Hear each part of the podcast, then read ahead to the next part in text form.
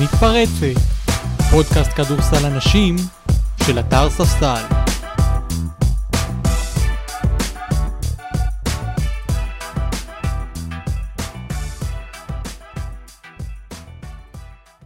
היי וברוכים הבאים. אה, חזרנו. חודשיים לא היינו כאן אבל אנחנו עדיין אה, מתפרצת פודקאסט כדורסל הנשים המוביל והמתקדם בישראל התוכנית שמכניסה את הסנס לסנסציה התוכנית שממש כמו ליגת העל קשה לצפות מתי תוקלט ותשודר. אה, אבל התוכנית שלמרות הכל ואחרי הכל אוהבת את הענף את השחקניות גם כמה מאמנים. אוהבת כמעט בלי תנאי חוץ מאשר את הפוליטיקה שקצת פחות אבל על זה נדבר הרבה היום בתוכנית. אז כן הייתה הפסקה בעיצומה של הליגה ובשיאן של הדרמות.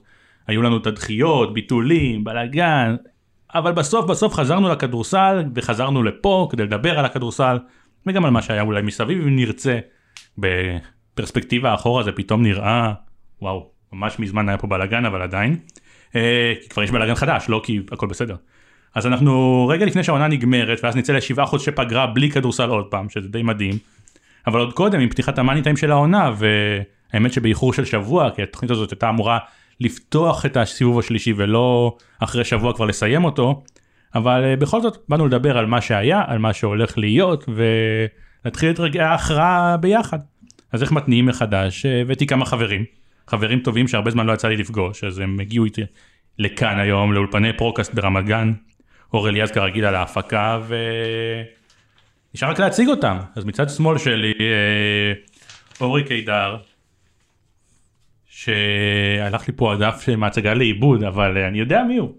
אורי קידר. מכירים איזה יומיים. כן שלמעשה הוא היה כתב בכיר בידיעות אחרונות עד לא מזמן היום הוא עוסק בדברים אחרים קצת uh, מלמד uh, מורה אתם בוודאי מכירים אותו כזוכה המרדף כשהוא ניצח את הצ'ייסר ושלום לך. שלום, בוקר טוב, הבא. צהריים טובים, אני אה, לא בטוח לפי איזה שעון אנחנו עובדים אה, אה, בליגה הזאת, אז שלום, תודה, תודה על ההזמנה ועל האפשרות. אה, שמח להיות פה, שמח לסכם, פה. לסכם את מה שעשינו, כן, פעם ראשונה שלי פה באולפנים הנפלאים האלה ברמת גן, עם חנייה נוחה צמוד, אנחנו נמשיך לעשות פרסומת, אה, חנייה ברוורס. כולל אה, מישהו שמדריך אותך איך לעשות את זה. אה, כן, תודה, אני שמח להיות פה. יש לנו הרבה, הרבה דברים להגיד שאנחנו אומרים ככה בינינו הרבה פעמים, אז אנחנו היום נספר את זה לכל אה, אלפי המאזינים שלנו. כן, כל מה שאתה אומר לי אחרי תוכניות, בוא ותגיד עכשיו, שייכנסו גם בך, למה רק בי, אתה יודע. בדיוק, כן. האמת שאמרתי לך כמה פעמים אחרי התוכניות האחרונות שהיית עם, היה, היה פה איזה קונספט בתוכנית הזאת שאתה מביא, מביא אנשים והם אחרי שבועיים מקבלים איזה ג'וב. נכון, היה את נכון. רועי לוין והיה את עדני דגן, נכון? זה נכון, המשיך? כן. גם ליאור היה ברמת השרון. אז עכשיו אנחנו, יש בינינו תחרות סמויה, מי יקבל את הג'וב הבא? יש לי רעיון לגבי מה הג'וב, אבל נראה לי נגיד את זה אוף דה רקורד. אז אני לא מחפש ג'וב בענף, אה, אבל אני... הענף הזה מאוד מאוד יקר לליבי, אני בניגוד לאנשים הנפלאים האלה שהיו פה לפניי, לא אדבר על מצ'אפ זון או על uh, מה שחקנית uh, זרה מסוימת משיחקה בהונגריה יכולה להביא. חבל. חבל. גם כי אני לא משחק בהונגריה נראה לי. אבל אני כן uh, מאוד מאוד אוהב את הענף הזה, הוא מאוד מאוד יקר לליבי, אני רואה כדורסל נשים מאז שהייתי ילד בן שמונה, והייתי עושה מזכירות במגרש הפתוח של האבנים ברשיש בפתח תקווה. ווואלה, קצת מתבאס על אה, מה שקורה בשנים האחרונות עם הענף, מה שבעיקר קורה השנה, אבל הצגתי את עצמי כבר מספיק זמן. אז... נכון, וכל ששמעתם פה קודם, אה, זורק פה הערה לאורי, אתם בוודאי כבר מזהים, כי חברה כבר פעם שלישית פה בפודקאסט שלנו, כבר חברת צוות, שלא אמר שותפה. איזה קידום. כן. אז אה, קודם כל, היא מאמנת בכירה ומובילה, היא מובילה את מחוז דרום בנערות ב' עם מכבי אשדוד. בנערות א', מתמודדת על עלייה, בוא נאמר את זה ככה, כנראה לא תעלה אבל אפשר להגיד שמתמודדת כולם מתמודדים. אפשר להגיד. אה, היא הייתה מנהלת נבחרות בעבר הלא רחוק היא עבדה גם ברמלה וגם ברמת השרון בבוגרות עכשיו היא לובשת מדים של מכבי אשדוד אמנם בנערות אבל זו אגודה אחרת ואולי זה בסיס לבעיה שאם נדבר פה היה תספרי כאילו בסוף האמת שבכל האגודות שעבדת אין מחלקת נערות מחוברת ל... בצורה מסודרת לקבוצה הבוגרת אבל uh, עזבו בעיות בוא נגיד שלום לגל צברי. שלום. אה, נכון, שכחתי. למה עזבו בעיות? לשם כך התכנסנו, לא? אבל קודם בוא נתחיל בלהגיד שלום, לפני שאנחנו, מה את עושה פה והאם את מתפטרת? בוא נתחיל ב... קודם כל, אני לא מתפטרת. חבל. אבל לך תדע איך יהיה בסוף, יש לנו איזה שעה, שעה וחצי כזה, כן? אז אנחנו, אני לא יודעת. אני שילמתי חניה לשעתיים. לגבי העניין עם הנערות והאגודות, קודם כל אני מניחה שנדבר על זה יותר בהרחבה בהמשך, כי יש המון מה להגיד על זה בכל התחומים, ולדעתי זה בעיקר משליך על הליגת העל, יותר אפילו מהמחלקות הצעירות. לגמרי. אבל באשדוד עבדנו על כן לחבר את זה, את הבוגרות ואת המחלקת נערות. בינתיים זה עובד יופי, וזה כיף גדול. אבל זה לא אותה אגודה. בעיקרון זה מכבי אשדוד, אנחנו כרגע, המחלקת נערות מחוברת עם הבנים, אבל היא גם תחת הליגת על, גם הליגת על היא מכבי אשדוד. מה זה אומר, סליחה שאני אה, אה, קוטע אתכם, אבל מה זה אומר שהיא לא אותה אגודה? זאת אומרת שאם עכשיו מסיימת אה, שחקנית שלך נערות א', והיא מצטיינת ומעולה, ואשדוד רוצה אותה לקבוצה הבוגרת, זה לא, היא לא עולה אוטומטית? זאת אומרת, זה לא אותו מקום? שוב, מה זה, זה, זה לא אוטומטית, כי זה תמיד, אתה יודע, בליגת העל שום דבר לא אוטומטית, אבל כן, אה, יכולה. זה לא דורש העברה וזה לא דורש משהו כזה, okay. אם אוקיי. זאת השאלה. אה, ומה ששי דיבר זה הרבה אגודות שאו שאין חיבור, למרות שזו אותה אגודה, למרות שזה אותו דבר, אולי אין חיבור. ובהרבה מקומות גם זה לא באמת אותה אגודה ואין חיבור בצורה די אה, מכוונת. אני חושבת שזו הבעיה המרכזית. כן, אני דיברתי ברמה הבירוקרטית, בוא נסביר לאורי כן. זה לא אותה הנהלה, אבל כשזה לא אותה הנהלה, לא תמיד גם אה, חושבים באותו ראש או באותו קו, לא תמיד האינטרסים של מאמנת הנערות הולך נכון. להיות להכין את השחקנית לבוגרות, או אם יש משחק חשוב, אז לוותר למען הקבוצה הבוגרת וכולי. החיבור הזה הוא לא במין ראייה גדולה של איך אני בונה שחקניות לזה, אלא כל אחד עובד בה בשלו. אז פה כן יש חיבור, גם עם... עם אורי בן סימון, שהוא המנהל המקצועי של הבוגרות במכבי אשדוד. אה, אבל שוב, אנחנו עובדים בשיתוף פעולה. אה, בהכל. אגב, זה, זה דו-כיווני. זה עוזר לבוגרות בדיוק כמו שזה עוזר לנערות. כן. אה, ואני חושבת שזה משהו שכל הצדדים צריכים להבין, שלשני הצדדים יש אינטרס. כן, אני חושב שהמילה שאנחנו מחפשים פה היא מועדון. נכון. אה, ואין מועדונים כל כך בענף הזה, אה, כמעט. אה, אני אולי, אולי לא, לא, לא, לא בטוח ששי יאהב שאני אגיד את זה, אבל אני כן כזה מקורב לקבוצה בפתח תקווה. למה לא, לא אהב? כבוד גדול, כבוד גדול שהם מקורבים לקבוצה בפתח תקווה. כן. איתנו פה.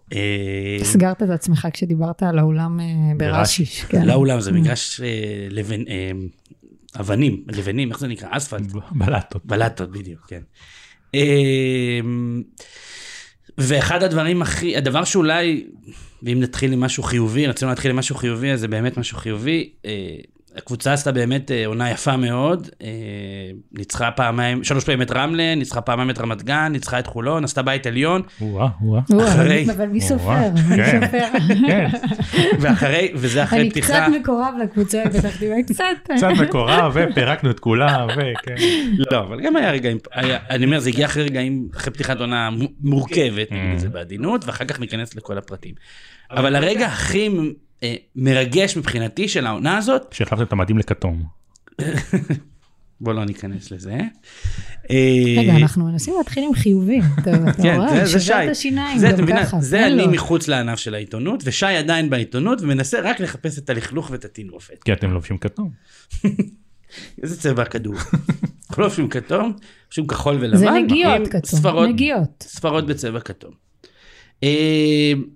אבל הרגע הכי, באמת, אני אומר את זה, הכי אמיתי, ולא עכשיו אה, מנסה לעשות פה איזה דרמה הוליוודית מרגשת. אה, אני גר מחוץ לפתח תקווה, תודה לאל, ברוך השם, לשמחת כולנו. אה, כן, האמת שבוא נדבר על זה, שלושתנו פתח תקוואים, אתם יצאתם משם, אני נשארתי. נמלטנו. כן, נמלטנו. נמלטנו כל עוד נפשנו בנו, כן, כן. כמו כתב לי השבוע. אצלי אני לא יודעת עד כמה זה הימלטות, כן, אני... זה לצורכי עבודה. איך אמר לי אוהד רמלה שגר בעיר סמוכה השבוע, איך לעזאזל אתם גרים בעיר הזאת, לקח לו איזה שעה להגיע. נכון. אה, אז אני גר מחוץ לעיר, והאולם, המגרש שלנו, יצחק שמיר, נמצא יחסית קרוב ליציאה, אז בדרך כלל אני מסיים את המשחק, אורז את הבת שלי, שהשנה התחילה לבוא למשחקים, וזה, אין אושר גדול מזה. ונוסע מהר הביתה כי כבר מאוחר ואימא שלה צועקת עליה שאני אגיע כבר הביתה. אבל אה, באחד אז המשחקים... טוב לך משחקים בשעה שלוש. בדיוק, נכון. כן, אוקיי. למרות שהיא שנת צהריים. סליחה שהפרעתי. אבל אנחנו נגיע לשעות האלה בהמשך. באחד המשחקים אה, נסעתי לקחת מישהו הביתה, מקורב, אה, ונכנסתי לשכונה שבתוך, שכונה שבתוכה נמצא האולם. וזה היה מיד אחרי משחק, ובשכונה הסתובבו עשרות של בנות, לא, לא יודע, 11, 14, 15, 16, עם תיקים של הקבוצה, שבאו למשחק, זאת אומרת, הם סיימו בית ספר, אכלו ארוחת צהריים, נחו קצת, באו לאימון של הפועל פתח תקווה, נגמר האימון, עלו ליציע, עודדו את השחקניות שהן רואות במהלך השבוע כי הן מתאמנות באותו מקום. הן לובשות את אותן מדים, השחקניות באות לאימונים. יש, בפעם הראשונה אני ממש מרגיש בהפועל פתח תקווה שיש מועדון. בהמשך אולי נדבר קצת על כל העניינים הזה של שיווק והדברים האלה שנורא זרים להרבה אנשים בליגה הזאת, ונדבר גם על המשמעות של זה, אבל אין הרבה מועדונים בליגה הזאת, שיש באמת חיבור בין, החל, בין הלמעלה ללמטה, בין הקצה לבוגרות. הבוגרות אה, אה, אה, באות ועושות אימונים עם הילדות. הילדות באמת, ממש את רואה כמעט הערצה לשחקניות האלה. אני חושבת, ש... אה, אני חושבת שזה, שוב, ככה זה אמור להיות. בסופו של דבר, אני כמאמנת, אני רגע אשים את הכובע של מאמנת. כמאמנת, אני אוהבת ששחקניות שלי רואות כדורסל, הולכות פיזית למשחקים, רואות בטלוויזיה, ולרוב זה יוצא משחקי גברים, כי טכנית יש יותר משחקי גברים, אה, ויורו ליג ומכבי תל אביב, ויש הרבה יותר משחקים. והכיף הכי גדול זה שהן רואות כדורסל נשים. כי אתמול דיברתי על זה האמת, אה, ששאלו אותי למה, מה, מה זה משנה, זה כדורסל. אתם, שלראות משחקי גברים, כשאת אישה, נערה, שחקנית צעירה, זה פנטזיה, כי את בחיים לא תשחקי שם. ולראות משחקי נשים, זה באמת איזשהו חלום שהוא אפשרי, והוא לגיטימי, כי את יכולה להגיע לשם. וזה מה שאנחנו רוצות אני כמאמנת חושבת שכל המאמנות להראות לבנות הצעירות. והאמת שגם אני אמשיך ואני אגיד שיש שחקניות מדהימות בליגת העל מבחינת אופי. והוא דיבר על פתח תקווה, אבל גם אשדוד, ואני בטוחה שגם בשאר הקבוצות, כי אני מכירה אותם, כמו שאמרת, ניהלתי נבחרות, אני מכירה את השחקניות. יש להן המון מה לתת מעצמן לדור הצעיר. זה בנות שהן כן יכולות להיות מודל לחיקוי. שכן היית רוצה שהילדה שלך תבוא ושתעבור אימון עם אחת הבנות אה, הישראליות מהליגת העל. ונגיד משהו שאני אוהבת לראות באשדוד, ששחקניות מהבוגרות גם באות למשחקים של הנערות. הן באות והן מעודדות ו... ומדברות איתם אחרי משחקים והן שומרות איתן על קשר ו... וזה מדהים לראות וזה עוזר לשני הצדדים זה עוזר לשני, לשני הצדדים כי בסוף גם כשחקנית בוגרת בא לך לשחק כשבאים לראות אותך. את לא נהנית לשחק מול אולם ריק. נכון. או רק מול ההורים שלך ולראות חבורה של 60-70 בנות יושבות ביציע ומעודדות אותך ומסתכלות עלייך ובאות אחר כך להצטלם איתך אני חושבת שאין אושר יותר גדול מזה לשחקנית בוגרת. אמ, ואני חושבת מועדונים צריכים להבין את זה, ולהפוך באמת להיות מועדון. חוץ מאשר קבוצות בוגרות שצריכות לקדם, לבנות מחלקות צעירות, את עבדת במחלקה צעירה גם בגני תקווה, שאין לה לצורך העניין קבוצה בוגרת, יש בליגה הארצית, אבל לא קבוצה לעומת אשדוד שיש לה. איך, אה, איך החיבור, כמו שאמרת, לצעירות, של צעירות בלי קבוצה בוגרת לענף כדורסל, מול אה, מה שאת רואה עכשיו ב... קודם, קודם כל אני חושבת שזה עבודה של הצוות המקצועי. אני חושבת שאני כשאני אימנתי בגני תקווה, אז אלי רבי היה חי בגני תקווה. אז הוא אימן בזמנו את הנבחרת, אז הלכנו למשחקי נבחרת. הוא אימן את רמלה ואני עבדתי ברמלה, הלכנו לרמלה. עבדתי ברמת שרון, שחקניות באו לראות משחקים של רמת שרון.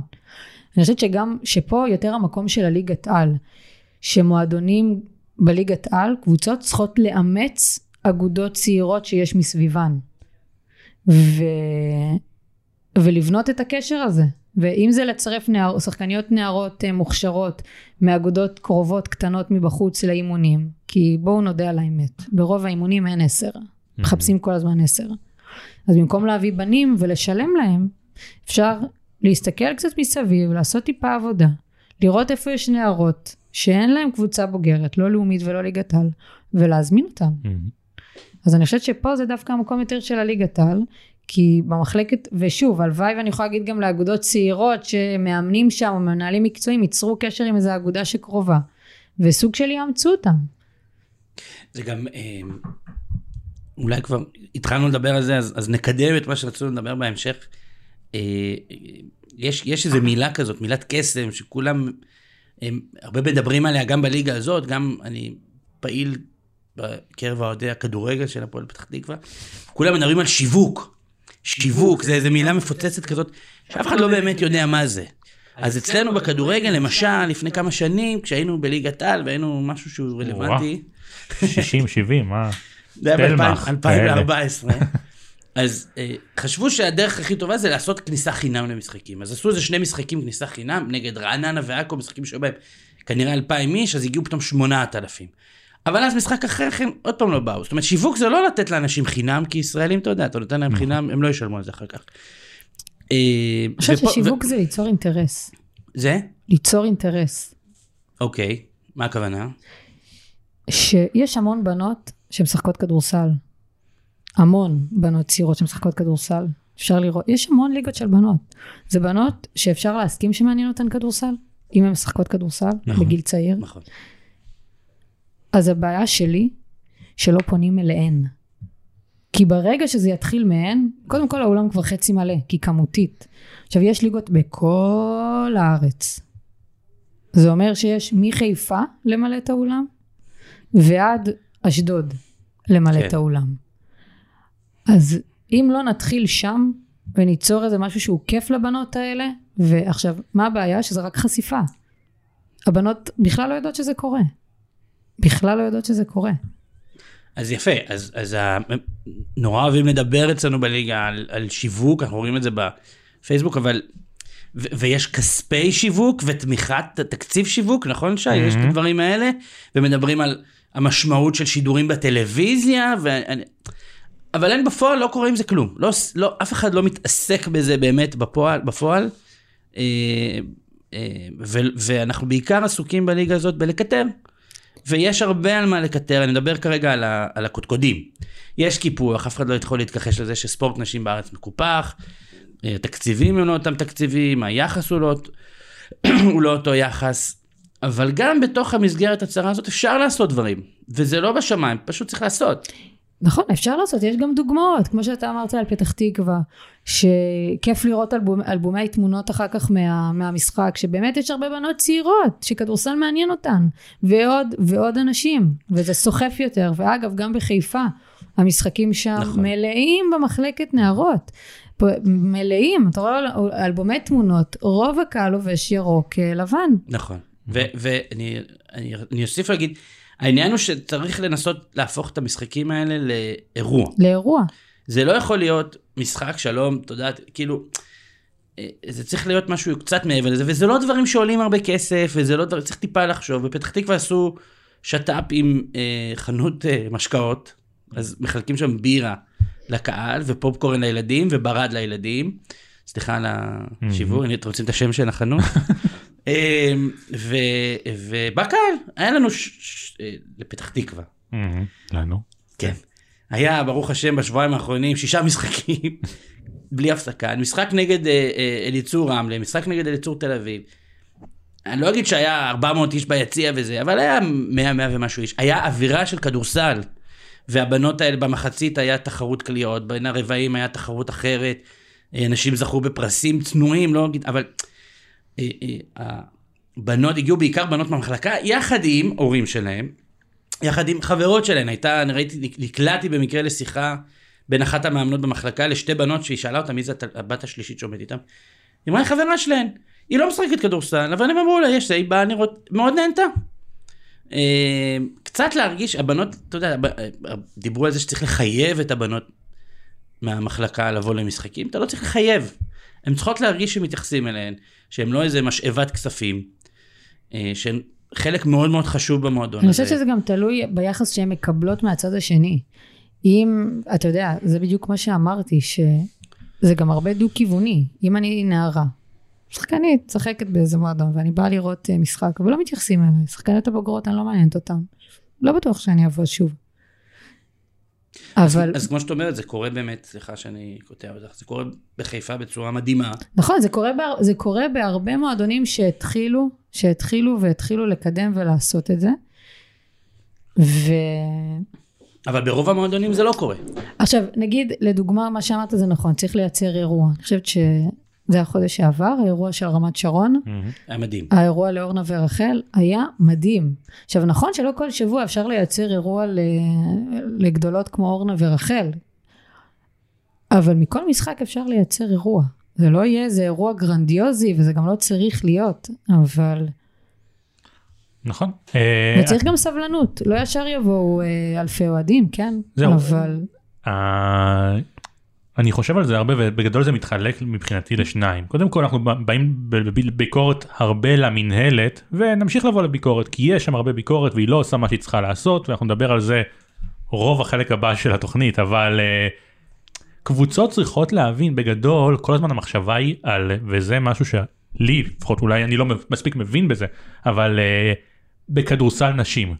ואורי שדיבר מהכדורגל דיבר על הקהל של הפועל פתח תקווה לא מעניין אותו כדורגל לגברים מעניין אותו הקבוצה שלו צריך ליצור פה איזשהו כמו שדיברתם על כל הרבה ונכון על המחלקות הצעירות שהשחקניות של האגודה במחלקה התחברו לקבוצה הבוגרת אבל גם הקהילה מסביב צריכה להיות מחוברת ובפתח תקווה למשל שוב נמשיך להרים להם אבל זה גם מתחבר לחיפה באמת האולם הוא לא אולם שיהיה בו גמר.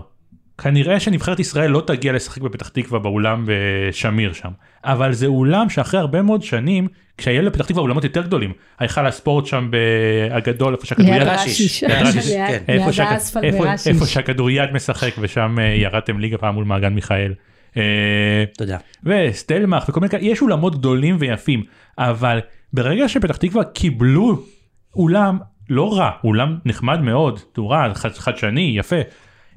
אה, אולם צנוע בתוך שכונה חדשה שיש בה הרבה מאוד אנשים צעירים שיכולים להגיע והקבוצה מתחילה למתג את עצמה כהמקום שבו כל הקבוצות מתאמנות בו כלומר לא רק שהן מגיעות למשחקים אלא נערות או ילדות יבואו לאימון ששעה אחר כך יבואו הבוגרות ולפעמים רואים אותם אחת ביציאה ובחניון. וזה איזשהו מקום כזה שיודעים להגיע אליו זה היה בעבר בשנים היפות שלהם למשל בבני יהודה בשכונת התקווה נכון שזה כולם מגיעים לשם. וגם זה ח... תמיד אה, סליחה שאני קוטע אותך טלי בן ישי mm-hmm. אולי בטח הכדורסלנית הכי גדולה של הלאומית, אבל באמת, אני לא חושב שהרבה אנשים שאוהבים כדורסל יותר ממנה. היא תמיד מספרת איך היא התחילה לשחק כדורסל, שהיא באה לבית דני, והיה שם אימון של הבוגרות, וככה זה התחבר, זאת אומרת, אה, אתה צריך מודל לחיקוי, כמו שאמרה כן, וזה, וזה, אמיתתי. וזה הכל קרוב והכל מחובר, וגם בחיפה. אפשר להעביר ובצדק הרבה ביקורת על האולם הלא ראוי שלהם אבל זה אולם קטן שנוח לאנשים כי זה מכבי להגיע למכבי יש שם בריכה ויש שם קאנטרי ויש כן. הרבה דברים מסביב אז הם כבר באים ומגיעים לחיפה זה משרת מאוד מאוד האינטרסים שלהם לבנות פה איזושהי קהילת כדורסל. אז, אז, אז המינהלת צריכה לדאוג שבכל זאת ייראה נורמלי ולא שכונה אבל הקבוצה שבחיפה שעושה את זה אגב גם רמלה שלא אה, עכשיו אה, כמות הפעמים שהם מילאו את האולם החדש שלהם ב-3500 אוהדים היה אולי קאפ אבל ברמלה הייתה להם הם מילאו אולמות כשזה היה באולם הקודם שלהם שזה היה בשכונה שלשם הגיעו הרבה מאוד אנשים שהיה להם נוח להגיע. עד היום ההסעות יוצאות משם. כלומר הקהל יודע להתנקז למקום הזה ואומנם הם עברו לאולם שיכול לארח פה משחקי יורו קאפ אבל זה איפשהו בחיבור בין בין הגרנדיוזי לחיבור לקהילה הולך לאיבוד איפשהו. אבל גם אתה לא יכול אה, להוציא מהמשוואה, אה, סליחה גל, אה, את העובדה שהיה קהל בענף הזה פעם. נכון. אתה מדבר על פתח תקווה, אני לא יודע, אתה אולי זוכר, דווקא כשהיינו בלאומית, נכון. והיה לנו מאבקים עם מעגן מיכאל. האמת שמעתי לשאול אותך על זה, כן. האולם היה מלא, נכון. באוהדים מהכדורגל, לפעמים אולי היה שם, נאמרים שם מילים שפחות אנחנו אוהבים לשמוע בענף, אבל היה אווירה, נכון. תופים, עניינים, נכון. שירים. שאתה רואה שאיך הענף מתנהל, שקבוצות שיורדות לא באמת יורדות, אני מודה שגם פתח תקווה נהנתה מהדבר הזה, וזה לא תמיד היה נעים. אה, וכשהדברים, שזה לא מתנהל ברצינות, כש... אה, מתקיימים ביום חמישי בשעה שלוש בצהריים, לך תביא קהל במשחק ביום חמישי בשלוש בצהריים. לפני כמה שנים, ואני אסיים, משפט אחרון בהקשר הזה גל, היה לנו משחק סופר חשוב על ההישרדות בירושלים, ודיברתי עם אנשים, תבואו למשחק, וארגנתי אנשים שיקחו אנשים, ב-2000 וזה 2016. Mm-hmm. והיה שלג בירושלים באותו שבוע, חסמו את העלייה לירושלים ביום שני, דחו את המשחק. המשחק היה אמור להתקיים ביום חמישי, אמרנו, זה, זה. מעכשיו לעכשיו הודיעו שהוא יהיה ביום רביעי, בשעה ארבע וחצי צהריים, בקוסל בירושלים. מי יכול להגיע לשם בשעה הזאת? אז אנשים, קצת יורד להם מה... מה... נכון, כי באמת כשאתה מדבר עכשיו, אומרים, למה יש קהל בלאומית וכאלה, בלאומית יש קהל, כי הכל פחות או יותר מסודר שם, יש משחקים בימי שלישי או בשבת. ו... ידעתי שאני אחכה יותר מדי ואז יגנבו לי. אה. ואז כאילו תגידו, טוב גל, מה רצית להגיד? אז תדברי, אז תדברי. אנחנו בענף, בכדורסל נשים. אני רוצה להגיד דבר כזה. שאני ממש מתחברת לכל מה שאמרתם, בעיקר למה שאתה אמרת שי, על זה שהכל צריך להתנקז למקום מסוים. אבל אם הכל נודד, ולמה זה המינהלת? זה המינהלת, כי זה שעות. אם שחקנית, נערה, יודעת שמשחקים הם ביום שני וחמישי, לא משנה עכשיו, בשעה שבע, היא יודעת שאת הדרך חזרה מהאימון, גם אם לא כולן הולכות, היא תעשה דרך המגרש, תראה אם משהו קורה שם, קורה, תיכנס. אתה לא יודע מתי. נכון. זה, זה, זה על תקן תעלומה, אז, אז איך יתנקז, איך יבואו? אם אני עכשיו גרה בשכונה, ליד אה, האולם אה, בפתח תקווה, אני כל יום ארד לבדוק אם יש משחק. עכשיו יותר מזה אני אגיד שאני בתור אה, מאמנת נערות, הן באמת רוצות ללכת למשחקים. ויום אחד היה משחק שישי באשדוד ב-12. איך שחקנית שעוד לא נשרה מהלימודים, עדיין לומדת, אמורה להגיע למשחק בשעה 12.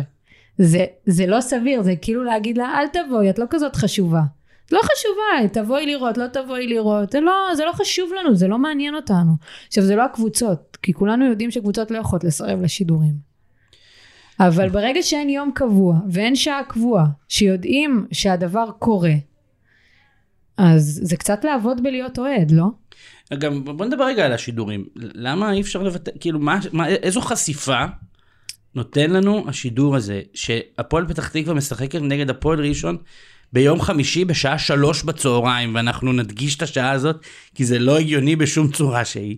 בשלוש בצהריים, שידור ישיר. אז שוב, ישיר. זה כאילו להגיד לקהל, חשיפה... אתם לא חשובים מספיק, נכון. אל אתם תגיעו. אתם לא חשובים בכלל. רק חשוב לנו שיהיה שידור. נכון.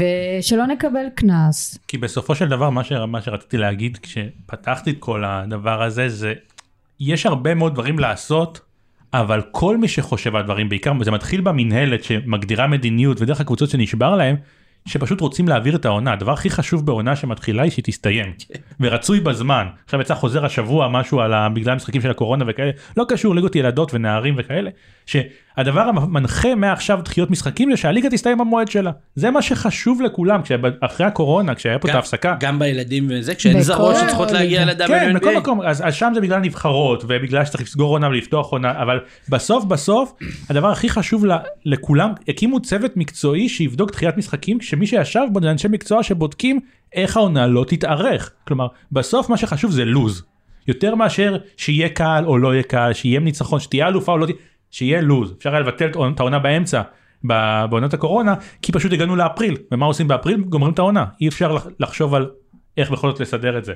אבל מה שרציתי לומר לך קודם, כשדיברת על, על הליגה הלאומית ועל הקהל שדיברנו על זה, אז באמת, אתה יודע, אני זוכר משם שלא רק קרוב לבית לשכונה כשהיה לכם חשוב חצי גמר או גמר גביע האיגוד בחולון 300 אוהדים בערך הגיעו עם תופים ומהכדורגל ומהכדוריד וכולם התגייסו כדי לקחת את גביע האיגוד בליגה הלאומית. כן ובמעגן מיכאל שנסע במשחק ויצא הסעה לא מיניבוס אוטובוס. נכון. ושירים? בוא אתה יכול להזכיר לנו כן. את השירים על טלי בן ישי ושירי כן, פורט. שירי פורט על מנגינה של מעברך כן. אה, אבל באמת הייתה, הייתה שם קהילה של כדורסל נכון. שאהבה את הכדורסל וזה כבר לא חשוב אם זרות לא זרות יש אוהדים שאפשר להביא הם באו הם יודעים לבוא מעגן מיכאל הדבר הכי חשוב היה לעשות להם ברגע שהם עלו ליגה זה להעביר אותם לזיכרון. 400 אוהדים העלו את הקבוצה ליגה בקיבוץ במעגן מיכאל אבל האולם לא, לא יכול לארח משחקי ליגת על אז הם עברו לזיכרון ולא בא קהל. גליל עליון עלו ב... באולם בונקר שלהם שם בהר וגיא. הר וגיא שהוא לא ראוי בכלל לשום דבר אבל עלו שם ליגה עם 300 אוהדים העבירו אותם לכפר בלום באו 20 הקבוצה התפרקה אחרי שנה כי לא היה לזה הצדקה. המחשבה המחשבה של הנחיות והגדרות כמו שאמרתם על השעות שידור זה כבר לא משנה. שואלים אז מתי אתם רוצים? רצינו להעביר ליום שישי. אז ב-12 בצהריים ביום שישי זה לא טוב לכם וביום שני ב-9 בערב זה לא טוב לכם וביום שלישי בצהריים זה לא טוב וביום חמישי בשלוש זה לא טוב? למה אתם כל הזמן בוכים. הבכי הוא על כל התאריכים האלה תחליטו אחד תחליטו מעכשיו זה צריך להיות יום קבוע ושעה קבועה. תחליטו חמישי בשלוש. הכי גרוע אנשים התחילו לעשות התאמות ייקחו ימי חופש בשביל כדורסל נשים אבל אני לא אקח ימי חופש כל יום חמישי אם שבוע הבא זה ברביעי. זה, כן. זה, זה לא זה כבר לא היה לפני אני זוכר את אחת המריבות שאמרו למה הם בפרינציפ אורנה ורחל התעקשו שלא יהיו משחקים ביום חמישי למרות שלערוץ המשדר היה יותר נוח לערוץ הספורט זה היה כשרצו להחזיר אותו לערוץ הספורט הם התעקשו רק על יום שני בשעה שש וחצי או שבע זה היה זה השידורים רק על זה ורק על זה כולם דיברו על זה שזה פרינציפ אבל זה מסתבר שהם ידעו מה הם אומרות כי ברגע שזה עבר השנה החליטו שהשידורים יהיו בימי שישי זה היה בכל יום חוץ מיום שישי זה היה יכול להיות המחזור הראשון היה כבר ביום ראשון. ברגע שמזיזים אותך פעם אחת ימשיכו להזיז אותך נכון. נקודה. לא אבל אני שואל באמת אה, אה, אני מבין את הרצון אה, מן הסתם ערוץ ספורט לא משלם על זכויות השידור. אנחנו שוב אני אומר את זה מאוד מאוד בזהירות היחס לשידורים ולליגה שלחתי השבוע אצלנו בקבוצה אתה נכנס לאתר של ערוץ הספורט ללוח שידורים, כתוב שביום שלישי בשלוש משדרים את חצי גמר גביע המדינה בין הפועל פתח תקווה לראשון שהדיחה את הפועל פתח תקווה ברבע גמר, זאת אומרת הם אפילו לא, סנסציה. לא מתייחסים לזה שזה משחק ליגה, זאת אומרת ויש, אני לא נכנס לאיכות של השידור, לא משנה, לא מדבר על זה, אבל הדבר הזה פוגע בסופו של דבר בליגה, יוצא שכרנו בהפסדנו מה שנקרא. אבל, אבל, אבל אני, מישהו, אני, אני לא רק מאשים את ערוץ הספורט, אני כי, גם לא. כי בסופו של דבר ערוץ הספורט עד לפני שלושה ימים לא ידע מתי הפלייאוף העליון מתחיל. הוא לא יודע מתי התאריכים האלה קורים. כשהוא בנה לעצמו לוז וידע שמכבי תל אביב משחקת ביורוליג אתמול בשעה תשע בערב הוא ידע את זה באוקטובר. יש, יש על... בעיה בהעברת המידע בוא נגיד נגיד את זה ככה בעדינות. יש גם בעיה בקביעת המשחקים. וזה אולי מח... לפני שנתחבר לנושא הבא שזה באמת ה... אולי הנושא המרכזי של הליגה השנה כל מה שקרה עם המגפת אה, קורונה שהייתה או לא הייתה בליגה. אה, אני באמת שואל שוב למה אם, אם השידורים האלה בערוץ הספורט כל כך פוגעים בנו השעות האלה. הרי משחקים כבר משודרים יש היום כל כך הרבה פלטפורמות. שאתה משלם איזה כמה גרושים לשדר ופרשן שהמנהלת תפיק בעצמה את השידורים, אתה לא כן, צריך כלום. כן, אתה אהבת את השידורים של נו פילטר? אה, אה, זה, זה, זה, זה לא. זאת אומרת, אוקיי. אני הסתמכתי על השידורים האלה, אני הייתי צריך את השידורים האלה שלוש או ארבע פעמים, פעמיים לא היה שידור בכלל. פעם אחת שיחקנו ברמלה, אני התחלתי לראות את זה מדקה שביעית, כשהתוצאה שם כתוב 11-0 לרמלה, ואמרתי, אוי, הברוך איזה זה, ואז אני קולט שפתח תקווה כל הצלים, ועדיין נשאר 0, ואז הבנתי שפתח תקווה מובילה איזה 15 הפרש. זאת אומרת, כן, לפחות התחילו לשדר גם אימונים. אבל, אבל כן למשל... יש לך הצצה גם לאימוני הקבוצות הבכוחות. כן, ולפחות ראית את המשחק ברמלה, כי את ההערכה שלכם לא ראית. נכון, לא, את ההערכה ראו, אבל לא את הסוף. כן, הדקה האחרונה של המשחק בשוויון. נכון, אז, אז, אז אה, לא, אז אוקיי, אז אפשר, לש... צריך לסדר את זה, אפשר לתקן. אבל יש שם אפשרויות שהמנהלת תוכל להפיק את הדברים האלה בעצמה. no filters, בסופו של דבר, אם עושים קצת שינויים ושדרוגים, אפשר... עושים את זה. זאת אומרת, ההתאחדות לכדורגל משדרת ליגה א', משדרת משחקים של נערים א', אה, אה, בפייסבוק, זאת אומרת, יש, יש דרכים לעשות את זה. אם ההסכם עם ערוץ הספורט עושה כל כך הרבה נזק, והוא עושה נזק, כי כדורסל ביום חמישי בשעה, יום, שליש, יום אה, שני בשעה תשע, במשחק של ראשון נגד, אה, מי זה היה? רמת השרון?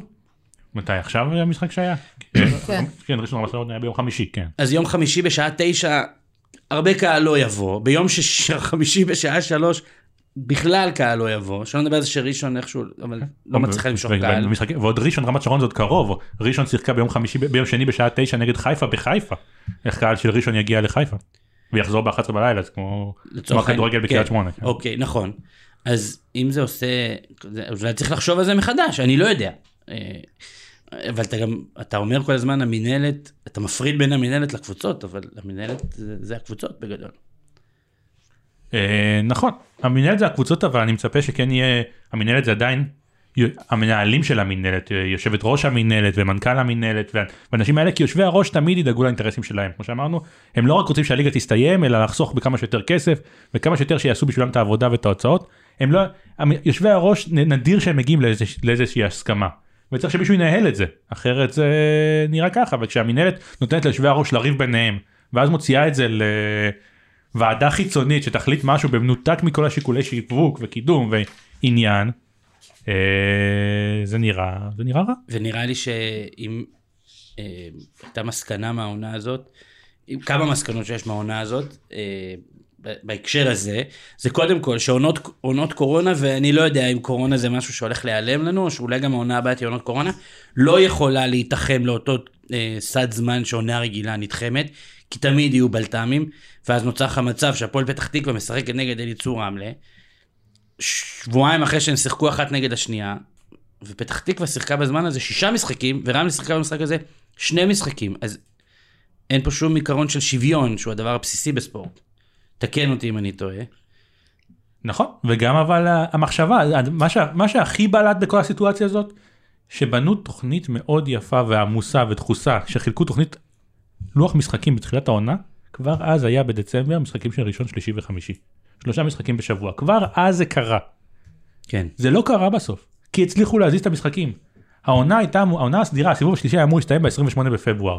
תראה איך הוא הולך להסתיים כולה שבועיים אבל בעשירי במרץ ושום דבר לא קרה כלומר אפשר היה לרווח היה מה לעשות איכשהו המחשבה הייתה לדחוס את הכל במקום לפרק כי הנה כשבאו האילוצים פתאום זה הסתדר פתאום יש קבוצות ששבועיים לא שיחקו וישחקו עד העשירי במרץ ועדיין העונה תיגמר בזמן איפה זה היה קודם כשבנו את לוח המשחקים ואי אפשר היה להזיז אותו ולבנות משהו שהקהל יכול להתחבר אליו ולבוא אליו במקום כמו שאמרת לעבוד בכדורסל שלוש פעמים בשבוע. אני גם קצת לא מתחברת לעניין שהקורונה הייתה בלטם, אני מצטערת, אנחנו בערך היינו איזה שנה, שנה וחצי, שנתיים אחרי הקורונה, ואז הגיע גל האומיקרון. הגל הזה הגיע בליגת על גברים, בלאומית גברים, בכל הליגות, חודש לפני שהוא הגיע לליגת על נשים. לא זה, צפינו זה, זה את זה. זה אחד היתרונות שאין קהל אולי. לא, זה, לא צפינו את זה, צפינו את זה, ויכולנו להיערך בהתאם, אבל לא, חיכינו ליום המשחק. חיכינו ליום המשחק, ששחקניות לא ידעו אגב באותו רגע שהמשחק אם יש משחק או אין משחק ואני לא מאשימה אותן ואני גם לא מאשימה את הקבוצות בהתנהלות כי אף אחד לא ידע מה לעשות והמינהלת שתקה נכון. שתקה שתיקה רועמת נתנה לכולם להתווכח ביניהם נתנה לשטח לפתור את הסיטואציה לתת לכל איש לעשות כראות עיניו ו... וסליחה, אבל היה אפשר להתכונן לזה. היה אפשר להתכונן לזה בלי להגיע לסיטואציה הזאת. זה הגיע כבר, לא הייתה בקרה, לא הייתה ביקורת. כאילו התעלמנו לגמרי מהקורונה, למרות שכל הליגות הושפעו מזה. רק באותו יום משחק ששחקניות כבר היו בבידוד, כבר היו חולות, כבר חיכו לתוצאות. עם כל הבלאגן שקרה במדינה, גם הכל לקח אקסטרה זמן. ורק, רק, רק שבוע וחצי, שבועיים, אחרי כל עניין האומיקרון וכל הברדק שקרה, יצאו הנחיות. שגם הן היו קצת... אה, אז זה בדיוק כמו קביעת שעה, וזה בדיוק כמו מועדי המשחקים. זה לא ידוע. נכון. וכשכלום לא ידוע, אי אפשר להתנהל. נכון, לא ידוע. בלגן, ויהיה בלאגן. זה... ואני לא מאשימה שום קבוצה על איך שהתנהלה. מי שהופיע ומי שלא הופיע ומי שעשתה עבירות ומי ש... לא מאשימה. כל אחד יעשה כראות עיניו, ואם זו הייתה ראות עיניו, זה, זה העניין. והדבר הזה, כלומר, לא היה משהו יותר ודאי מאשר אותו מחזור שהפך לפארסה שהוא לא התקיים. בדיוק. ביום שבת כבר זה היה ברור, ביום ראשון כבר קבוצות אמרו אנחנו לא נוכל לשחק את המשחקים האלה. ביום שני בשעה 4 המנהלת אמרה להם אתם תשחקו. עכשיו היה ברור שקבוצות שאומרות אנחנו לא נשחק לא ישחקו. איך הם יעשו את זה? כל אחד והפארסה שלו. כמו שאמרת עבירות לא להופיע ללכת לעשות בדיקות בשעה 4 או באולם ולגלות חיובים. זה אפשר להאשים את רמלה על הבדיקות שלהם ואת אשדוד שהם לא באו ואת תל אביב שהתנהגו בכל... אבל כל הקבוצות האלה אמרו אנחנו לא נוכל לשחק את המשחק במקום לקבל החלטה אה. בשבת אולי הם יכולות אולי הם לא יכולות אבל אנחנו נהיה הבוגרים ונגיד אוקיי בוא נזיז הכל ליום חמישי צאו לבדיקות ביום ראשון נדבר אחרי זה. ביטלו את המחזור שאחרי זה שיכול היה להתקיים לא ביטלו את המחזור שלא התקיים הזיזו את כל שאר המשחקים ו...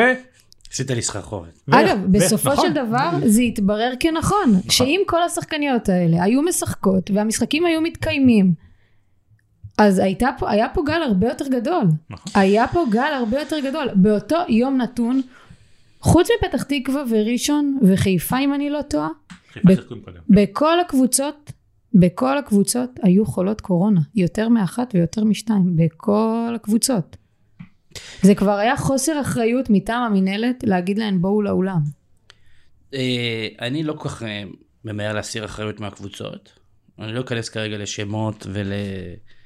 אה, רק הבהרה, המינהלת לא אמרה להם לבוא לאולם, לפי מה שהמינהלת אומרת, היא אמרה להם מי שיכול להישאר בבית, ומי שיבוא לאולם זה על דעת עצמו, אבל המשחק יתקיים גם אם לא תבואו לאולם.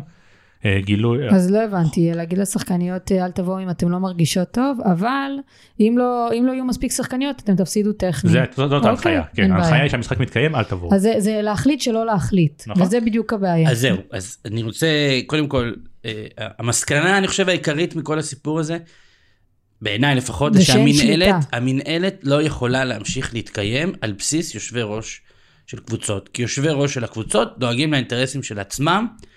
אין עליהם שום אה, אה, פיקוח, זאת אומרת, כל אחד דואג לאינטרס של הקבוצה שלו, אין להם גם, הם לא צריכים להביא תוצאות, הם לא צריכים להראות תוצאות, אף אחד שם לא יקבל יותר משכורת או פחות משכורת אם יבוא קהל, אם משחקים מתקיים כמו שצריך, אם הליגה תראה כמו שליגה צריכה להיראות. אה, חייב להיות במינהלת אה, אה, רוב של אנשים שהם בלתי תלויים, אוקיי? אני לא אומר שלא יהיו שם נציגים של הקבוצות, אבל אה, אה, השנה הזאת הראתה שכשנציגי המינהלת דואגים לאינטרסים שלהם, הליגה נראית בלאגן. ומה שקרה בחודש הזה, או שלושה שבועות האלה, גרם לחוסר אמון מטורף, גם של האנשים שאוהבים את הענף ושרוצים אותו. אה, בקבוצות, אף אחד לא האמין כבר לקבוצות שהשחקניות באמת חולות. המתווה המאוד מוזר הזה בעיניי, ששתי שחקניות חולות גורם לדחיית משחק, לדעתי זה לא קיים בשום ליגה, בשום מקום, בשום ענף. בשום אה, ליגה ובשום ענף אין, אה, אין, אין, אין סגל של רק עשר. אז הייתה הצעה אה, של אחד הנציגים במינהלת, שבעיניי הצעה מאוד ראויה, שכשאתה מכליל, בודק כמה שחקניות חסרות, אתה, אה, אה, שחקניות שמשחקות מעל מספר נכון. דקות נכון, ממוצע. נכון. ואז קבוצות לא יוכלו לדחות משחקים כדי, אני לא נכנס עכשיו לאינטרסים, אוקיי, הביאו זרות, לא הביאו זרות. זרות צריכות להתק... אין לי מושג. היו פה מיליון ואחד סיבות שאנחנו לא יודעים מה הן לדחות משחקים, שיכול להיות שהקורונה הייתה תירוץ ויכול להיות שלא. חד אבל... משמעית, אבל ככה זה כשמחליטים אחרי שדבר כבר קרה ושמנסים בכוח למצוא איזה שהן הנחיות שיהיו מקובלות, אה, שיהיו מקובלות על כולם.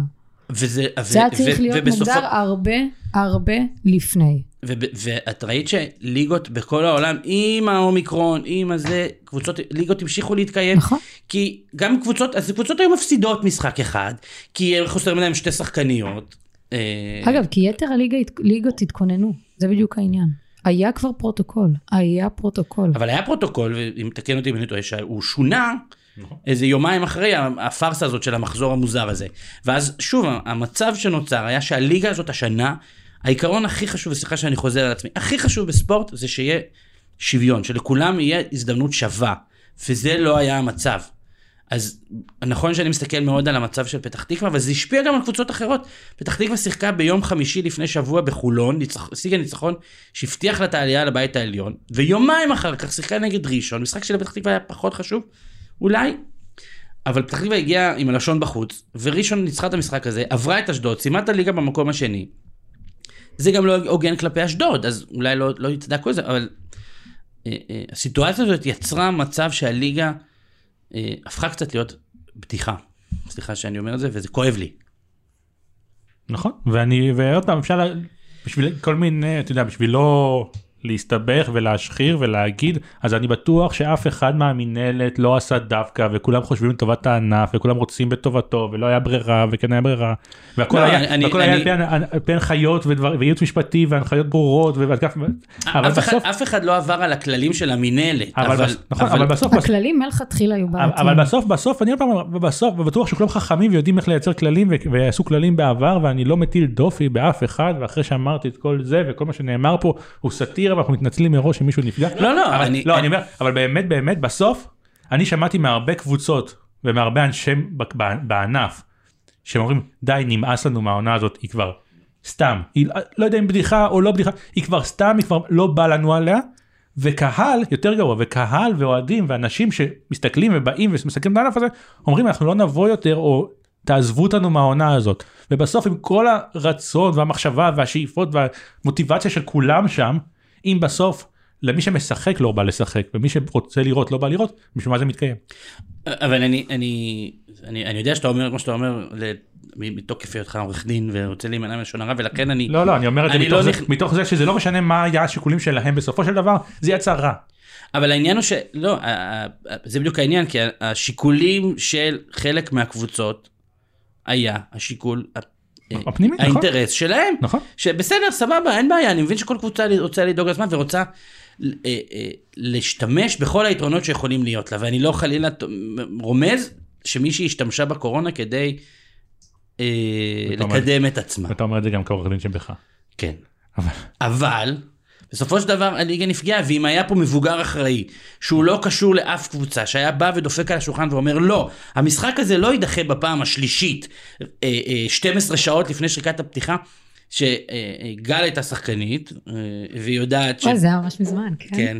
ששחקנית מכינה את עצמה למשחק, זה לא, שחקן זה לא, רועי לוין, המאמן של פתח תקווה, באיזה פוסט מאוד מאוד כועס, אה, כתב על זה, ששחקנית לא, אה, זאת אומרת, שחקנית שמתכוננת למשחק, זה לא משהו שמתחיל 12 שעות לפני המשחק, זה משהו שאתה מכין את עצמך עליו כל השבוע, אתה בונה את התוכנית של האימונים, אתה בונה את התוכנית של עצמך, את, את הלו"ז של עצמך, אתה לא יכול בבוקר של משחק להגיד לשחקנית, אה, אה טוב, אה, בעצם יש פה חולת קורונה, אין משחק. אה, וזה משהו שיכול לקרות אולי פעם אחת, אבל זה קרה בליגה הזאת המון פעמים. אני חושבת שיש עניין של מידתיות, ו... אם משחק נדחה באותו יום, זה צריך להיות משהו ממש קיצוני. דרמטי וקיצוני. נכון. ואני חושבת שלכל עניין הקורונה, אה, היה צריך להגביל את זה בזמן. של אפשר להודיע עד איקס זמן. שוב, הבעיה המרכזית היא לא הקורונה ולא לבטל משחקים. הבעיה היא, ודיברנו על זה מקודם, הרצון לסיים בזמן. נכון. וזה מה שגורם לתחיסה. הלוא לא הפריע לך שביטלו את המשחק בוקר לפני.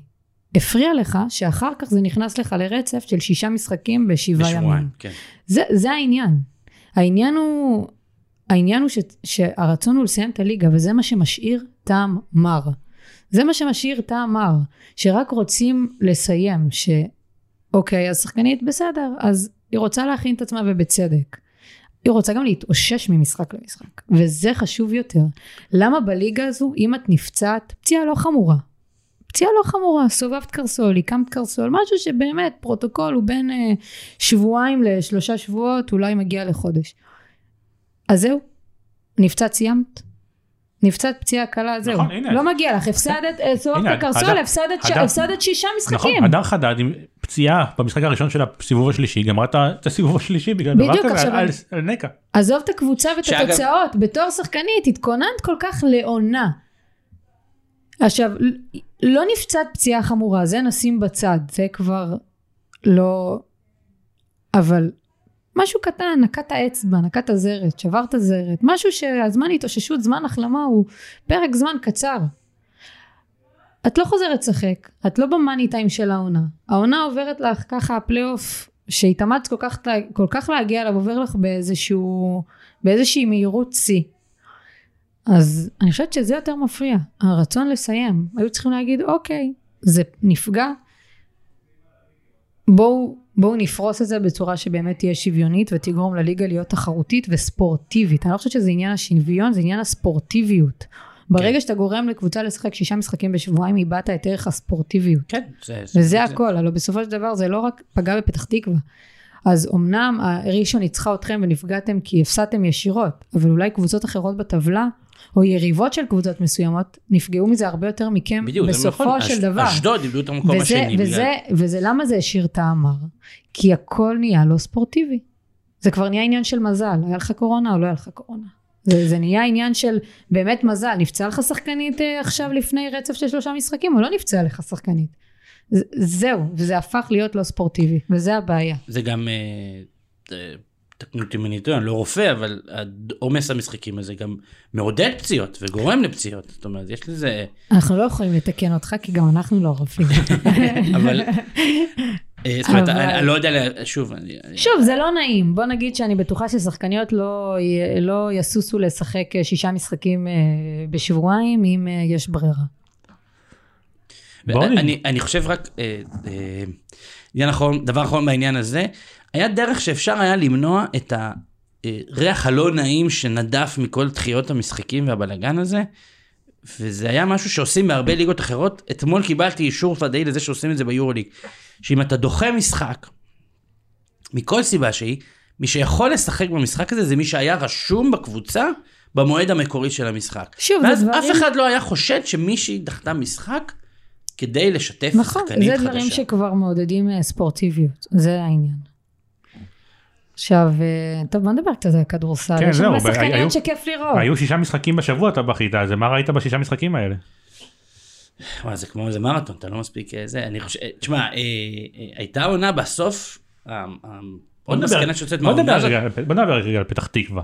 פתח תקווה שנים אתה אומר, ובינתיים זה מוכיח את עצמו נכון, שזה מקפצה של שחקניות להיות טובות בליגה בקבוצות אחרות שיש להם יותר כסף. אגב, אולי גם של מאמנות, כי אני התחלתי בפתח תקווה, כן? אולי גם של מאמנות. אני אגב הפכתי לעיתונאי בזכות זה שהתחלתי לכתוב על פתח תקווה, זה גם לעיתונאים. ובכל זאת נדבר על השחקניות אחרי שדיברנו על המאמנות ועל העיתונאים. כן בדיוק.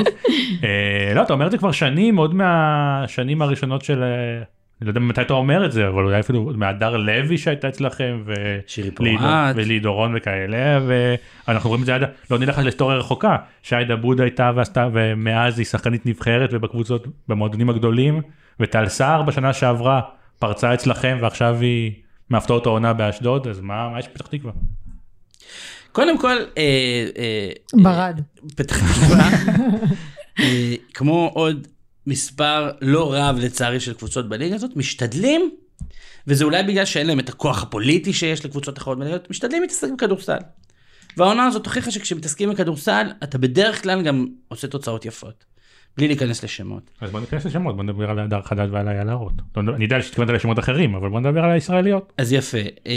מה שיש בפתח תקווה, וזה נכון גם לגבי זרות, הסד התקציבי הלא מאוד גדול שיש לך, אה, לא מאפשר לך, או מחייב אותך לקחת הימורים, שלא תמיד יש לך אפשרות לתקן אותם. אה, והרבה פעמים זה מוביל לדברים מאוד, אה, לדברים טובים וחיוביים, כי אתה לא יכול להחליף עכשיו שחקניות כמו גרביים, אתה לא יכול לעשות רכבת של זרות ולהביא זרה לשבועיים או לחודש. אז יש סבלנות. ונותנים אה, לשחקניות לפעמים את המפתחות אה, לידיים. אה, רועי אמר את זה כמה פעמים, שהדר חדד והיעלרות בשנה שעברה, אה, לא בהכרח היו שחקנות מובילות בקבוצה שלהן. והשנה שתיהן שחקניות חמישייה, שחקניות מובילות. יש סבלנות בגדול בפתח תקווה, זה אני חושב מילת המפתח. אני חושבת שבפתח תקווה בעיקר יש שקט לשחקניות. מה ראית מהשחקניות שלהם או משחקניות אחרות שבא לך אה, לספר לנו? אני חושבת, ש... אני חושבת שפתח תקווה, האמת שזה נראה שניכר שהן אה, מרגישות מאוד בנוח, הן מרגישות בבית. כן. ו...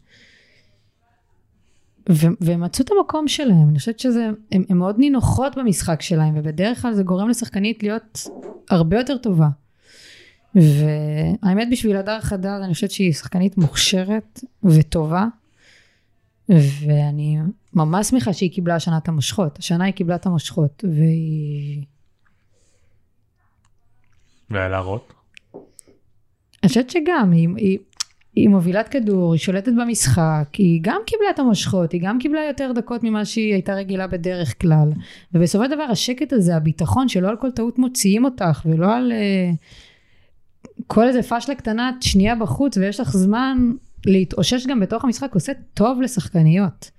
וזה נותן להם המון ביטחון, וזה לדעתי הכי חשוב, כי יש הרבה מוכשרות, הרבה שחקניות טובות, שמה שהן צריכות זה ביטחון. נכון, מה שאני חושב שמאפיין השנה את השחקניות הישראליות ב... בליגה זה שהרבה, שיקולים שונים, התעוררות מאוחרת, אה, לא יודע, תקציבים, או הייתה, אה, הפיזור השנה, הוא פיזור הרבה יותר שוויוני. אולי גם כן איזה שהם כוכבות על שאתה יכול לסמן אותם אחד מעל השני אבל הדר חדד למשל ששיחקה בהרצליה בשנה בפתח תקווה הגיעה לנבחרת ישראל כשחקנית וקיבלה לא מעט דקות או הרבה הזדמנות מהקבוצות האלה היא לא צריכה הייתה לעבור ברמלה או באשדוד לצורך העניין בשביל להפוך להיות השחקנית הזו. אה, אופיר קסטן בחיפה היא, היא משם. אה, ושוב, אני חושבת שיש פיזור וזה יוצר גם איזה ליגה שכיף לראות כי בכל קבוצה יש איזה אחת שתיים שממש כיף לך לראות שהם חלק אינטגרלי מהמשחק. והן מתקדמות כלומר שחקנית בעבר נכון. השחקניות האלה היו הולכות להיות שחקניות ספסל אנחנו רואים אפילו בוא נלך על משהו שלא צריך לספר איילה רוט שחקנית צעירה שעוד לא מכירים לא נגיד רגע לפני הפריצה אפילו דניאל רבר השנה בחולון אחרי שהתרגלה ללכת ולהיות אחת מבין גם אם הייתה חמישייה אחת מבין ברמלה אחת מבין ברמת חן הלכה השנה לחולון שזה או שנה שעברה לחולון ופתאום קיבלה את המקום שלה ופתאום קיבלה את הדקות ועשתה קפיצה שלפחות ברמה התודעתית לא יודע ברמת הכדורסל ברמה התודעתית למה היא מסוגלת לעשות כשהיא מקבלת דקות ואת הבמה ואין לה תחרות של זרות על העמדה שלה והנה מצאת עצמה מחזיקת גביע ברומניה פתאום אבל אה, נכון. באותו רעיון הנה דניאל קרש ברמת השרון אין לה תחרות על העמדה שלה היא מקבלת את הזמן לטעות או לעשות את הדברים נכון ואם התחילת העונה פחות טוב היום הישראלית המובילה באסיסטים למשל מתוך זה שהיא צברה את הזמן ואת הביטחון אז אותו דבר הדר חדד אותו דבר איילה רוט שדיברנו על פתח תקווה אבל השנה נהיו הרבה קבוצות פתח תקווה כאלה בליגה כן. המפוזרות. שוב אני חושבת שהן בעיקר בעיקר מקבלות את הביטחון זה שחקניות שהן שוב הם שנים מההתחלה שהם שיחקו עם שמות בענף והם הגיעו לקבוצה שנותנת להן שנותנת להן דניאל קרש, דניאל קרש, כיף לראות אותה. היא מנהלת המשחק של רמת שרון. זה כיף לראות. אז אני שמחה שזה גם מתבטא בסטטיסטיקה, אבל זה פשוט כיף לראות. בתור חובבי כדורסל, יש המון המון שחקניות שכיף לראות אותן משחקות, כי הן מאוד משמעותיות. אז גם אם משחקות עם שלוש זרות שתמיד על המגרש רוב הזמן, mm-hmm. הן עדיין בולטות לך. הן עדיין לא על תקן איזושהי תחנת מעבר. כן. ואני חושבת שזה קורה, זה הסיבה שהליגה כל כך כיפית, וזה הליגה שמבאס אותי שהשאירה טעם מר, זה הסיבה. כי כיף לראות את השחקניות הישראליות בליגה השנה. כן, בגלל יש... שהן מפוזרות, ובגלל שזה כל כך שוויוני. ת, תקראו את, אה, את אה, ראשון, שזו קבוצה שלא הביאה זרות, ג'ני סימס עושה עונה, באמת, אני לא זוכר עונה כזאת מזרה פה. אבל ג'ני סימס לא הייתה זרה של WNBA, אתה יודע, style בריטני סייקס וכל השמות המפוצצים שמגיעים לפה לפעמים. אה, וזו קבוצה שלמשל, אנחנו ניצחנו אותם בסיבוב, פתח תקווה ניצחה אותם בסיבוב הראשון, ההפסד הראשון שלהם, כי עדן ציפל לא שיחקה. וזה היה חיסרון מאוד זהו, מאוד, עד... זאת אומרת, אני לא מוריד כמובן מההפסד של פתח תקווה. אני עדיין רואה את המשחק, ראיתי את המשחק של ראשון באחד השידורים, ועדיין השחקנית שהכי בלטה לי זו עדן ציפל. נכון. שאותה נהניתי לראות. אז נכון שסביר להניח שבאותו משחק ג'ני סימס קלה 30 ופלוס, אבל אני זכרתי מהמשחק הזה את עדן ציפל. נכון, והיום, ואת רמת גן היום כדי לנצח אתה צריך לעצור את ירדן גרזון. אתה לא אומר היום בוא נעצור זרה או משהו כזה. המדד שלך אם אתה מצליח את, לנצח את הקבוצות, את האלופה, זה היה על הישראליות המובילות שלה. כן, אה. הנפילה. הבעיה הגדולה של רמת גן הייתה השבועיים שלושה שגרזון וטלב לא שיחקו, וזה נכון. השלב שהם אני חושבת שזה בדיוק, אני חושבת שאפשר גם לראות את זה בחלוקת הליגה, פלייאוף עליון לעומת פלייאוף תחתון, שבפלייאוף התחתון, אה, חולון לדוגמה, ראבר שהייתה הכי דומיננטית, עזבה. הישראליות נותנות פחות תפוקה. ופלייאוף תחתון, אותו דבר אה, אם זה אליצור תל אביב, ואותו דבר רמת גן בתקופה שגרזון הייתה פצועה, היא לא שיחקה, היא לא שיחקה תקופה. לא. אמ, וגם הרצליה, שדי חסרות בזירה הישראלית. נכון. אז זה גם מתחלק, כאילו הליגה התחלקה ככה. בצורה שאיפה שיש ישראליות שנותנות תפוקה והן מובילות ובולטות, אז הן למעלה. ו...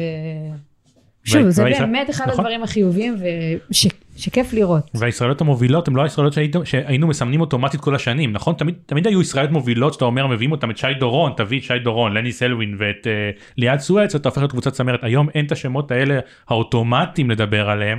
אפילו, אפילו אם השם האוטומטי הוא ירדן גרזון, ילדה בת 18 זה עדיין כבר נהיה וואו שמישהי בת 18 הוא שם אוטומטי לקבוצת צמרת אבל באמת המגוון של הישראליות שיכולות לעשות שינוי אומרים אה, ראשון ועדן ציפל.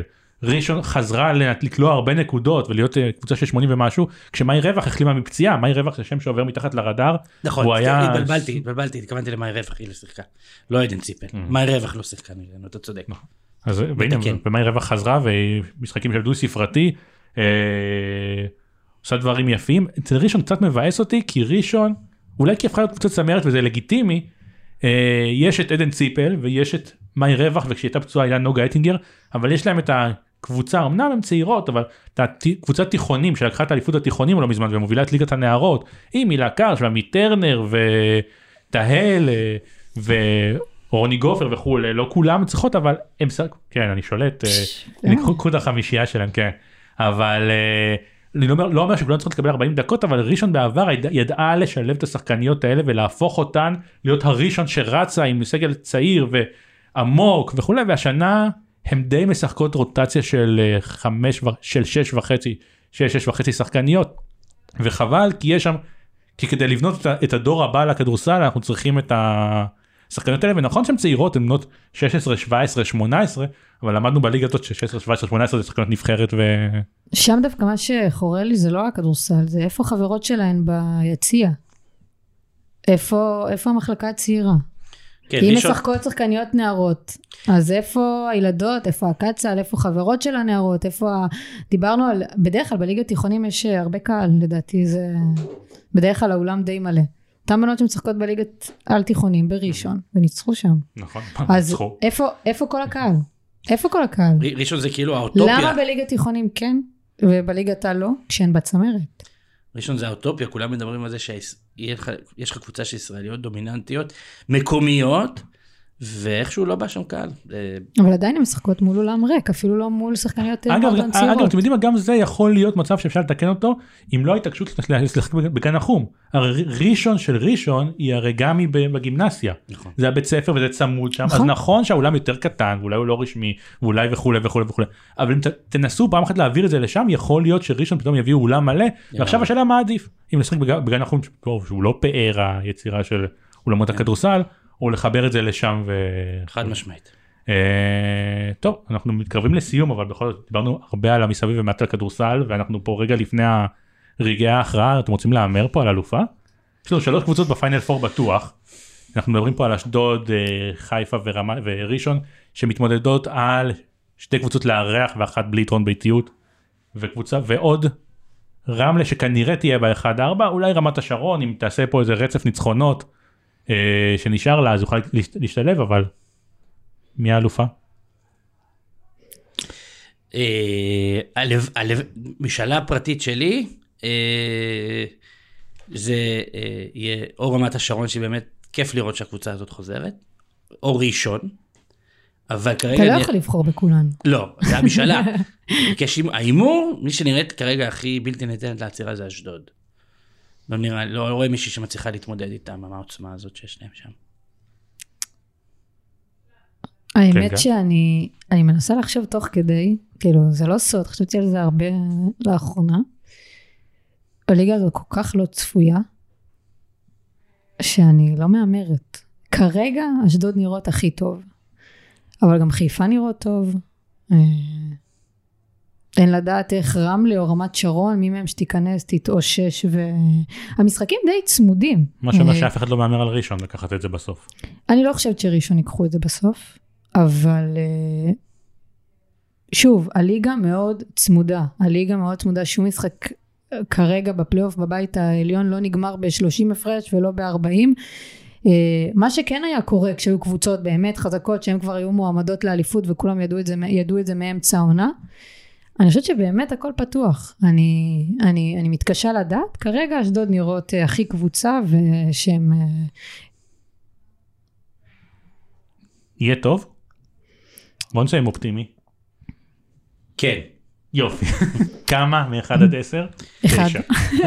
לא, אני, באמת, אני באמת חושב שמה שקרה השנה אה, יוריד כמה אסימונים לאנשים והבינו שצריך איזשהו שינוי. אני מקווה גם שיהיה לחץ לא הרבה, אבל כמה אנשים כמונו שבאמת אוהבים את הענף, כן לעשות איזשהו שינוי במבנה של המנהלת, באורך של הליגה, בהתנהלות כולה, ואני כן חושב שמהמקום המאוד נמוך הזה אנחנו נתחיל את, ה... את הקאמבק. יפה שאתם אופטימיים, אני פחות. למה? אני חושבת שבגלל כל מה ש... כל מה שדיברנו, שדיברנו עליו, ואני לא באמת חושבת שזה מעניין. הרבה אנשים שיש להם השפעה. אה, אני מקווה שמפה זה בדרך למעלה, אבל אני... אם על זה הייתי צריכה להמר, אז uh, הייתי בוחרת באופציה השנייה. אני אופטימי. לצערי. אני אופטימי דווקא בגלל אחרי האליפות של רמת גן ואחרי שחיפה וראשון שהם קצת נראות אחרת בהתנהלות שלהן הצליחו לעשות את הדברים קצת שונה ופתאום מגלים כן. שלא צריך המון המון המון רק המון לא המון המון המון כסף כי בואו חיפה זה לא קבוצה זולה אבל uh, לעשות את הדברים אחרת זה יעודד עוד קבוצות לעשות את זה אחרת וזה יקשה על הקבוצות המעצמות uh, להתחדש. זה שאתה אופטימי טיפה יותר כן. מלחיץ אותי מאשר uh, גורם לי להאמין. טוב אז uh, חזרנו והיה כיף uh, הזמן כיף. רץ תודה שבאתם תודה גל תודה אורי תודה שרבה ורק נגיד שהסיבה שהפודקאסט הזה נדחה בשבוע זה כי גם שי ברק תרם שחקנית חדשה לענף הזה ונגיד לו מזל. אם הוא יהיה קיים עדיין. מה? אם הוא יהיה קיים עדיין. אז מזל טוב לשי לא? מזל טוב לשי ולרותם, ותגדלו את נעמה בהרבה חום ואהבה. תודה רבה. ושיהיה שלום בעולם. לגמרי. תודה רבה. ביי, תודה, אנחנו היינו מתפרצת. נהניתם? האזינו לנו בכל הפלטפורמות, ספוטיפיי, אפל מיוזיק, גוגל פודקאסט, דיזר, יוטיוב ובאתר ספסל.co.il.